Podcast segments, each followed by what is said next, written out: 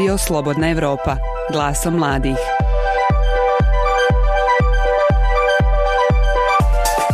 Koliko ste puta na samom početku izolacije u kojoj smo svi proveli prethodne mjesece zbog pandemije, pomislili da ćete vrijeme u kući iskoristiti pametno. Možda pročitati neke od knjiga koje ste nakupovali naučiti neku novu vještinu ili napokon otvoriti onu aplikaciju za učenje jezika koju ste davno skinuli. A koliko vas je uradilo ono što i mnogi od nas. Podijelilo vrijeme između posla, društvenih mreža i serija. No brojni su ipak vrijeme izolacije iskoristili malo pametnije. Ja sam Una Čilića, vi slušate podcast Glasom mladih narednih pola sata čućemo mlade ljude koji su vrijeme izolacije iskoristili kako bi naučili nove vještine ili kako bi drugima ponudili dio svoga znanja. Od učenja stranih jezika pa do davanja lekcije iz talijanskog jezika, pravljenje kurseva za programiranje, yoga ili webinari. Šta smo to mogli naučiti sve tokom izolacije? Ostanite sa nama i saznajte. Slušate podcast Glaso mladih.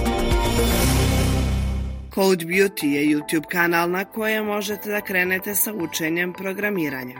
Njegova autorica je Saldina Nurak koja je željela da iskoristi vrijeme pandemije da podijeli svoje znanje sa drugima. Kako kaže, od uvijek je voljela da dijeli ono što zna i da možda nekoga nauči nešto novo i pomogne na neki način. Na početku su to bile igre škole sa njenim prijateljima, a kasnije je krenula da daje časove iz programiranja i web dizajna. Zbog stalnog posla i obaveza morala je prekinuti časove koje je davala u jednom kulturnom centru u Mostaru. Ali joj je pandemija ponovo otvorila vrata dijeljenju znanja. YouTube kanal Code Beauty je napravljen prije i po dana i mislim da sam od tad imala dovoljno vremena da sagledam neke i pozitivne i negativne strane ovoga. E, vi kad počnete raditi nešto u online svijetu, stavljate se nekako na tačno, na raspolaganje svim ljudima na svijetu da vas gledaju i da vas komentarišu i to nekad može biti negativno. Ali ako je suditi po nekom mom iskustvu, ja stvarno nisam dobila ni jednu negativnu reakciju, ni jedan negativan komentar, tako da mi je posebno drago to i motiviše me naravno da radim još više i još bolje. I posebno mi je drago kad vidim da ima i kolega koji su iz ove struke već, dakle što starijih, što mlađih kolega, koje dođu na kanal i pogledaju video i onda kažu bravo, super, svaka čast, jako pozitivna inicijativa, jako koristan materijal, dakle to, to mi je posebno drago. Kogod me pita za kanal, ja uvijek kažem da je Code Beauty moja mala bebica, koja tek pravi prve korake u ovom svijetu, ali mi je nekako posebno drago da vidim da iako je na početku već je postala jako velika platforma za širenje znanja, za širenje neke motivacije, inspiracije u ovom zanimanju i već je jedan od najvećih kanala ovog tipa na Balkanu. Tako da e, jako mi je drago da vidim tako pozitivne reakcije. I mislim da je, da je posebno korisno ovaj, svim ljudima koji ovo zanima i koji žele da uzmu i da usvoje to znanje jer je potpuno besplatno u stvari da dođu i da, da nauče i da na taj način pokušaju sebi obezbijediti neku dosta svjetliju i perspektivniju budućnost i bolji posao.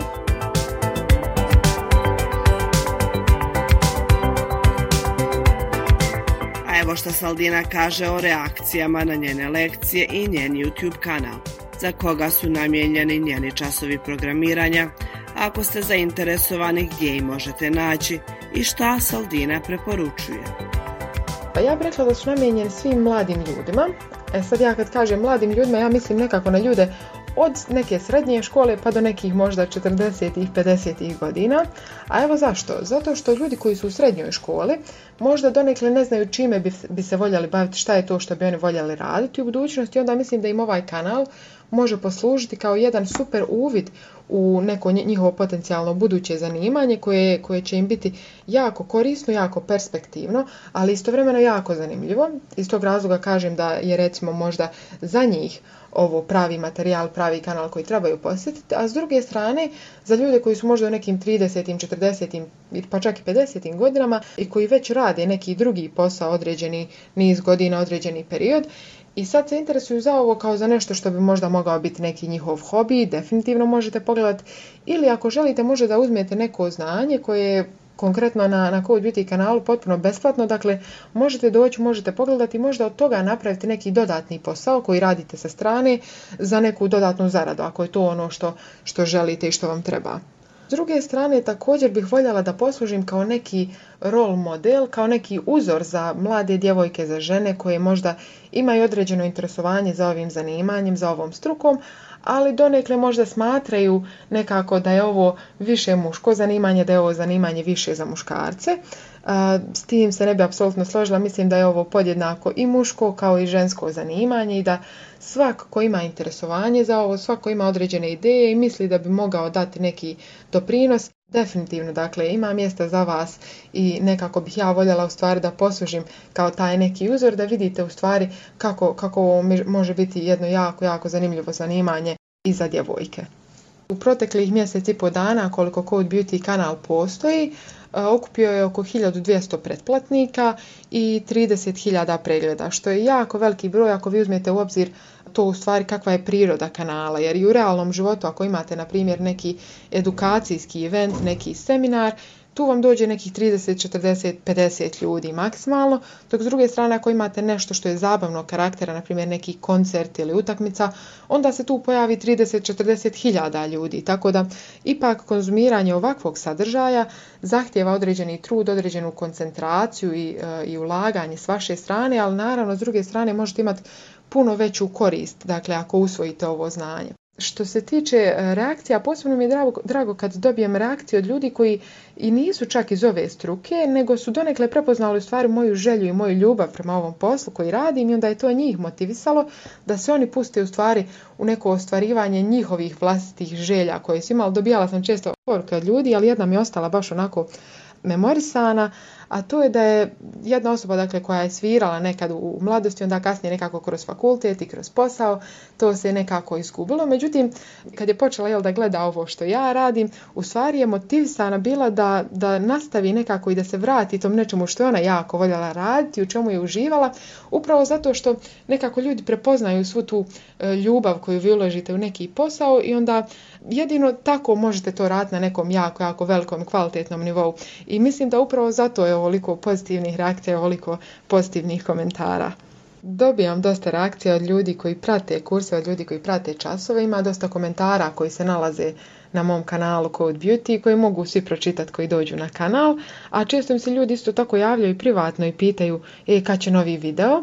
Ja trenutno objavljujem dva videa sedmično, mislim da je to neki tempo koji se može pratiti i koji nije neki pretjerani pritisak, hajmo tako reći, ako hoćete da učite ovo. E sad, dosta, dosta ljudi me pita također koliko vremena treba da se nauči. Odgovor na to pitanje nije baš tako jednostavno dati, obzirom da zavisi od toga koliko ćete vi truda i posla i vremena uložiti u to. Za one koji se potrude više, naravno da će vam to sve ići jako, jako brzo, dosta brže, dok oni koji shvate to malo ležernije, budu to radili onako malo nekako opuštenije, sporije, mislim da će im trebati naravno duže vremena da savladaju sve to. Mislim da je neka moja preporuka upravo ovaj tempo kojim ja i objavljujem, ta neka dva videa, sedmično za koja vi izdvojite par sati svake sedmice su vam sasvim dovoljna da, da vi u stvari nakon nekog perioda od već možda šest mjeseci ili godinu dana steknete neku bazu znanja koje će vam poslužiti da možete dosta toga napraviti. Dakle, vi ćete već sami tada biti svjesni u stvari koliko korisnih stvari možete napraviti i za sebe i za druge ljude, onda ćete sami biti u stvari u mogućnosti da odlučite šta je to što vi dalje želite raditi, šta je to čime biste vi e, se zanimali u narednom periodu i šta je to što ćete u stvari uraditi sa tim znanjem koje budete usvojili. Glavna platforma za komunikaciju je YouTube kanal Code Beauty. Tu ja dakle objavljujem videe, komuniciram sa, sa svojom publikom, sa svojim pretplatnicima, gledalcima, odgovaram na pitanja naravno, tako da je YouTube kanal glavna platforma trenutno. Pored toga, nedavno su otvoreni Instagram i Twitter profili. E sad tu sam morala staviti True Code Beauty zato što mi je neko već ovaj bio ukrao Code Beauty nickname. Tako da ako želite možete me naći i na Instagram i Twitter profilima True Code Beauty. Tu se nekako trudim da objavim u stvari neki behind the scenes, dakle neki dio kako čitav ovaj posao koji ja radim izgleda iza scene, dakle mimo onog videa koji ja objavim vama na YouTube, upravo zato kako bi pokazala ljudima u stvari da je ovo jedno jako zanimljivo, jako zabavno e, zanimanje. Ponekad bude smiješno, ponekad naravno bude i naporno, ali upravo zato što želim da pružim ljudima tu neku stvarnu, realnu sliku. Iz tog razloga e, dakle, objavljujem i, i to kako to zanimanje izgleda mimo samog onog videa koji, koji se može vidjeti na mom YouTube kanalu. Dakle, Instagram profil, Twitter profil True Code Beauty. A osim toga od prije imam dakle e, svoje privatne profile na Facebooku i na LinkedInu koji su pod mojim pravim imenom, dakle Saldina Nurak. Tu također često dobijam pitanja, dakle u, u inbox i onda se često desi da me recimo deset ljudi pita jednu te istu stvar. I onda ja kažem, pitajte me to javno, zato što ako vama nešto nije jasno, sigurno ima još 5-10 ljudi koji bi pitali tu istu stvar, ali možda je nekoga stid, možda neko srami se, ne želi. I onda kad vi pitate to javno, ja to odgovorim, svaki će moći da, da pročita odgovor da iskoristi to neko znanje iz tog odgovora. Tako da eto, dakle, možete me naći na dosta društvenih mreža, ali glavna platforma za komunikaciju, upravo to gdje ja objavljam svoje videa, to je YouTube kanal Code Beauty. Bila je ovo Saldina Nurak. Ukoliko se želite okušati u svijetu IT-a, možete krenuti sa Saldininim časovima na YouTube kanalu Code Beauty. Milenko Letić koji također daje kurseve programiranja kaže da će nastaviti da radi sve dok postoji zainteresovanost za njih. Njegove časove na lokalnim jezicima možete naći na sajtu programiranje.ba, a evo šta Milenko kaže, kakve su reakcije njegovih učenika i šta sve možete naučiti. Ideja sama po sebi postoji unazad par godina, ja sam već davao kurseve na platformi Udemy, dakle nekad 2017. godine gdje možete me pronaći pod imenom i prezimenom i tu imam trenutno dva kursa koja su također potpuno besplatna, kurs za Ansible i SaltStack. E sad sam odlučio da, da sve ovo što, što, što radim na, na engleskom i generalno čim se bavim svakodnevno na svom poslu da podijelim sa našim ljudima, ali prvenstveno na našem jeziku. Zašto? Zato što znam koliko je teško doći do nekih provjerenih informacija koje mogu biti korisne i, i zato što znam koliko su e, ponude generalno za ovakve kurseve skupe na, na našim prostorima. Također možemo vidjeti da dosta firmi jednostavno koristi ovu e, informatičku nepismenost, da tako kažemo, zarad, zarad lične koristi. Ja smatram da znanje uvijek trebalo biti besplatno i dostupno svima.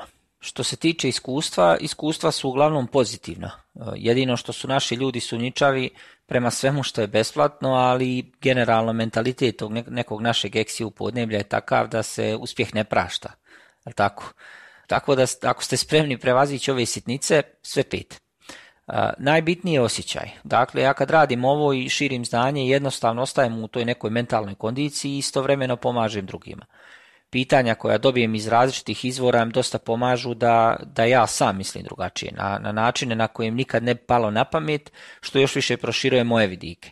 Pa reakcije ljudi su, su odlične. Ja do sad vidim samo pozitivne i to me mnogo raduje. To, to sam, samo znači da su kursevi kvalitetni i da pronalaze svoju pravu publiku, što mi je bio konačan cilj, jel tako? Kvalitet prije kvantiteta. Što se tiče samih reakcija, mogu da, da recimo pogledam neke tekstove, e, odnosno neke komentare su bili kao da kažem da su vrijedni da se izvoji, mada su mi svi dragi podjednako, ali evo, tekst, recimo tekst je za svaku pohvalu, odavno nisam ništa bolje pročitao, za neko ko, ko se dosta koji je dosta toga sličnog prošao i trenutno prolazim, kao da sam ga sam napisao. Pa onda recimo komentar za, za Python kurs, uh, sjajno objašnjavanje za nekog poput mene koji tek krećem sa učenjem Pythona, lijepo je kad mi se na tenane objasni svaka pojedina funkcija znak linija, to jeste ishod pisanja koda, sutra nastavljam pozdrav. A, recimo, ovo je stvarno, ovo stvarno puno pomaže, ako sam pregledao hrpu raznih tutoriala, ni jedan nije ni upola poučan kao ovaj, hvala, i tako dalje, i tako dalje. Pa časovi su namijenjeni svima, od 7 do 77.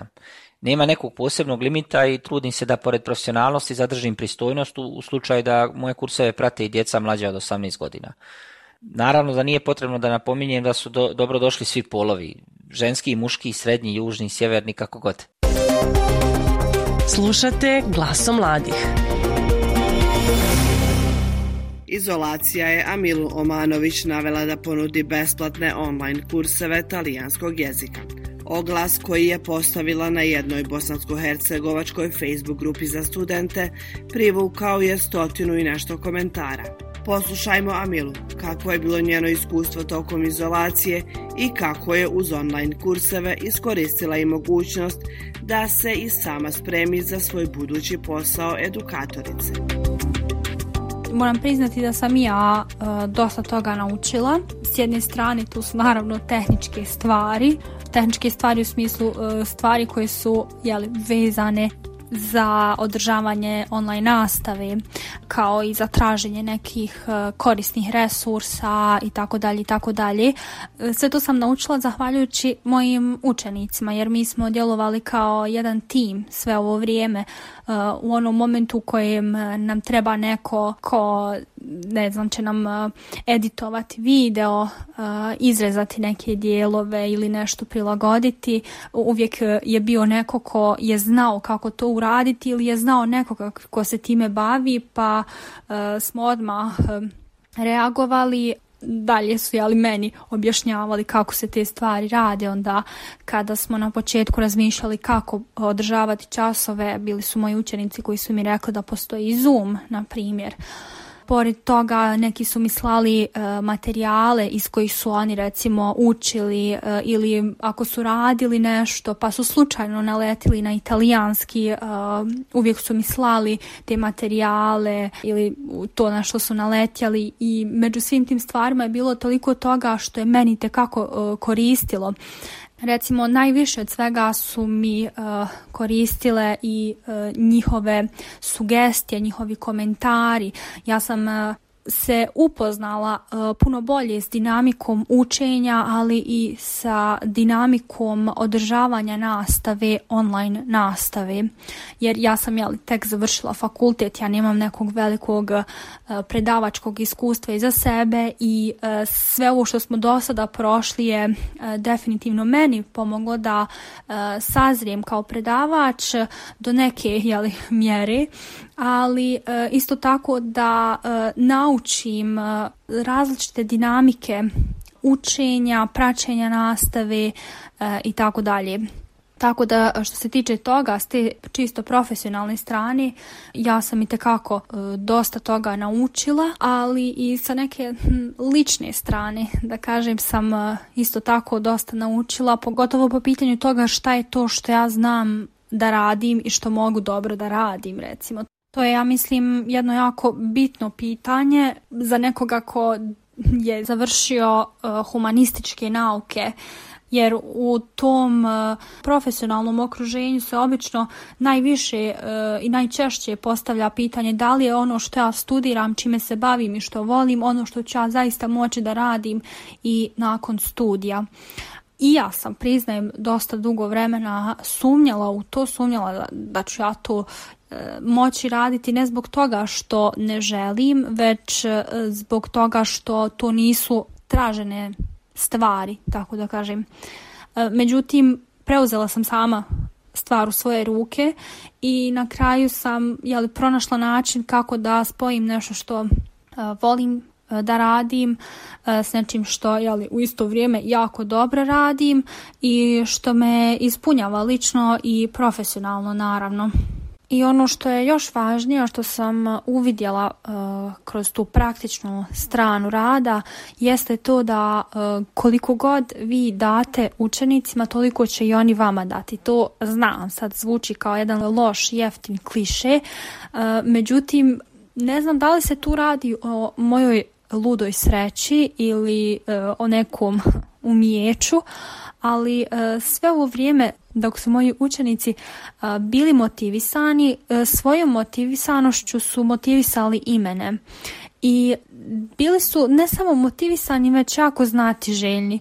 I to je neka, da kažem, simbioza u kojoj mi živimo i radimo koja je jako bitna i to je ono što održava naše časove, ja mislim, i što ih čini tako, ne znam, lijepim, zanimljivim i zabavnim za nas. E, tako da, eto, to bih izdvojila možda kao jednu od važnijih i ljepših strana svega, jer i jedna i druga strana zaista ulažu i to je ono što nas održava. Slušate podcast Glaso mladih. Prethodne epizode pronađite na slobodnaevropa.org ili na Google i Apple podcast aplikacijama. A da li ste možda vi tokom izolacije osjećali kao da vam vrijeme protiče, a da ga ne iskorištavate na najbolji način? Da li ste nešto uradili po tom pitanju? Kako ne bi trošio vrijeme uzalud, Mirnes Bakija, dopisnik portala Balkan Diskurs, iskoristio je brojne pogodnosti interneta, ali i izolacije kako bi unaprijedio svoje vještine. S obzirom na to da ja već neko vrijeme radim od kuće, moram priznati da mi karantin i izolacija nisu baš tako teško pali. Bez obzira na to što sam imao primarnu obavezu, nekako sam u samom početku imao osjećaj da mi vrijeme prolazi, a da ga nisam u potpunosti iskoristio. Odmah sam se odlučio se prijavim na nekoliko online seminara kako bih unaprijedio svoje dosadašnja znanja. Posebno bih izdvojio recimo BOLD program omladinskih lidera koji se zbog pandemije održao online. Tokom e, ovih mjeseci izolacije bilo je jako puno webinara o najrazličitijim temama, tako da su svi imali dosta opcija da iz e, svog doma nauče nešto novo, unaprijede svoja znanja, ali da upoznaju zanimljive ljude. Pored toga, uključio sam još nekoliko aktivnosti u svoju svakodnevnicu kako bih na najbolji način potpunio vrijeme. Nekada sam se bavio modnom ilustracijom, te je ovo vrijeme bilo idealno da se vratim tom hobiju. Moram priznati da mi je ova aktivnost dosta pomogla da skrine misli od mnogobrojnih crnih podataka koje smo e, svakog dana mogli čuti u medijima. Također, bavim se trčanjem posljednje dvije godine, a tokom pandemije nisam želio rizikovati i izlaziti e, vani da trčim, pa sam napravio program vježbi koji se mogao realizirati u kući kako bih e, održavao kondiciju i kako bih se onda opet po završetku pandemije lako vratio trčanju. Instalirao sam nekoliko aplikacija za učenje jezika e, na mobilnom telefonu, Smatram da su ove aplikacije tekako korisne, te sam ih prvenstveno koristio za usavršavanje svog engleskog jezika. E, generalno smatram da su aplikacije za učenje jezika dosta dobre kako za početnike, tako i za osobe koje žele usavršiti gramatiku i vokabular. Napomenuo bih nove tehnologije koje su nam svima omogućile da smo u kontaktu sa dragim osobama, tako sam redovito koristio online alate kao što su Zoom i Skype. Smatram da je ovo da je komunikacija bila izuzetno važna za mentalno zdravlje jer smo svi morali biti u uslovima koji nam nisu bili poznati do sada. Sada kada se postepeno vraćam u stanje prije pandemije, imam osjećaj da sam kvalitetno iskoristio vrijeme. Ono što mogu primijetiti sada da mi više ne ide na kafu, već nekako gledam da izađem sa prijateljima da to bude priroda ili neki prirodni ambijent. Definitivno smatram koliko god izolacija nam teško pala, ipak iz nje smo dosta naučili, mada opet to se zavisi od osobe do osobe. Slušate glasom mladih. Duška Lataš iz Novog Sada iskoristila je pandemiju kako bi nastavila sa časovima njemačkog. Kakvo je njeno iskustvo? Da li je bilo bolje pohađati kurs online ili u učionici? Tokom karantina sam imala vremena da se posvetim nekim stvarima više nego što bi to mogla da uradim u normalnoj situaciji Tako da, e, kako smo krenuli da učimo nemački i pre pandemije, prekinuto nam je bilo u kursa, međutim to smo nastavili da radimo online. Prvo smo krenuli e, čitava grupa u kojoj nas ima 8-9. Nastavili smo dakle da pratimo nastavu e, preko Skype-a. Međutim, kada smo završili taj jedan nivo na kom smo stali, onda smo se moj muž i ja odlučili da nastavimo individualno, znači nas dvoje idemo sa profesoricama, ipak je malo lakše.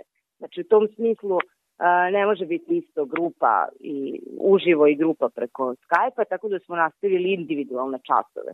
I bilo nam je praktično isto, ja čak mogu da kažem da je i bolje, pošto mnogo mi štedi e, vremena, a potpuno isto količinu znanja dobijem. Čak mi je ovaj, i super što se tiče tog nekog tehničkog momenta, pošto može da nam prosledi odmah direktno neki link, jer mi smo na kompu, ona je na kompu i onda možemo da pristupimo nekim stvarima na kojima na času kad smo u školi malo možda više treba vremena. To što se tiče tog dela baš korišćenja tehnologije i uopšte organizovanja našeg vremena, ono sad da više učiš ili manje, mislim da to nije u stvari pitanje e, količine vremena koje imamo, nego volje. Tako da ovaj, ne bih tu sad nešto pretrano da se hvalim da sam se previše posvetila više Nemačkom u toku korone nego što sam to bilo u mogućnosti da radim ranije. Znači nisam, mislim da je to negde isto. Možda sad e, sam se nešto zaukala pa nastavila više da radim na tome. Takođe da smo gledali filmove, e, bilo mi je jako dobro što se moj off pokrenuo kod nas. Kombak Durana je pokrenula taj online festival koji je jedno vreme bio besplatan, sada ovaj, ima nešto besplatno, nešto se plaća, ali e, izbor filmova je bio jako raznovesan, dosta evropskih filmova i baš u tom smislu ovaj, bih i da se poručim, jedan nemački film koji je to bio najbolji tog festivala, e, zove se Iz sistema, o jednom vrlo specifičnom problemu kod uh, deteta uh, sa određenim smetnjama u odrastanju, tako da o tome se kod nas ne priča, zato su mi možda zanimljive uh, tematike kojima se bave nemački filmovi generalno. Slušate podcast Glaso mladih. Prethodne epizode pronađite na slobodnaevropa.org ili na Google i Apple podcast aplikacijama a njena sugrađanka Nikolina Đurić odlučila je da karantin popuni držanjem joga časova putem Zoom aplikacije. Osim što je animirala druge, ona je iskoristila ovo vrijeme ograničenog kretanja kako bi se posvetila online kursevima fotografije. Poslušajmo Nikolinu šta kaže, da li je imala priliku da znanje stečeno tokom karantina već primjeni veći deo vremena sam provodila u suštini sa kompjuterom, što možda i nije baš pretarano pohvalno, ali sam se trudila da iskoristim to na najbolji mogući način, pošto se bavim jogom, fotografijom i šivenjem. Trudila sam se da se nekako usmerim na te tri stvari. Takođe držala sam jogu preko Zoom aplikacije svaki dan, pa mi je to onako dosta olakšalo, imala sam opet i neku interakciju sa ljudima i komunikaciju.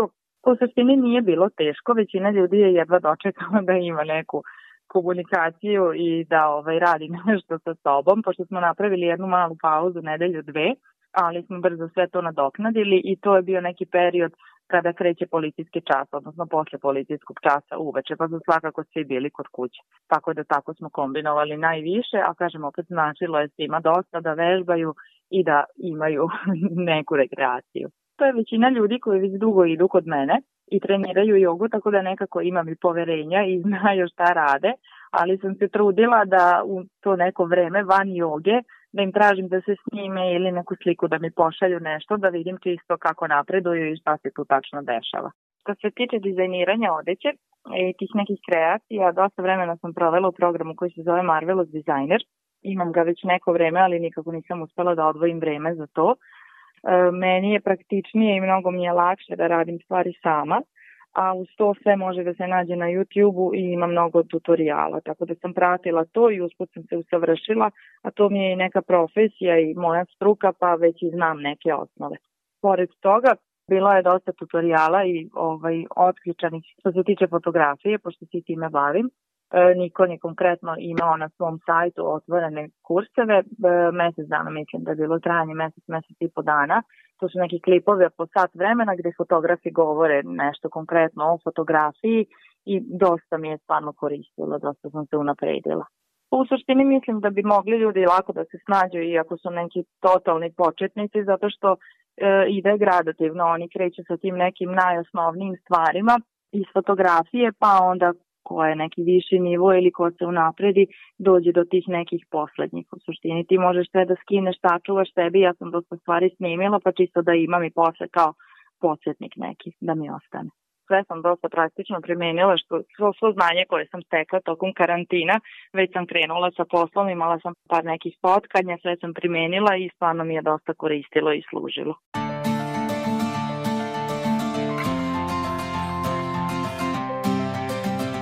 To bi bilo sve u ovom izdanju Glaso mladih. Ja sam Una Čilić, a vi ste slušali poruke ljudi iz Bosne i Hercegovine i Srbije koji su za nas govorili o tome šta su naučili tokom izolacije u koju smo svi bili stavljeni zbog pandemije COVID-19.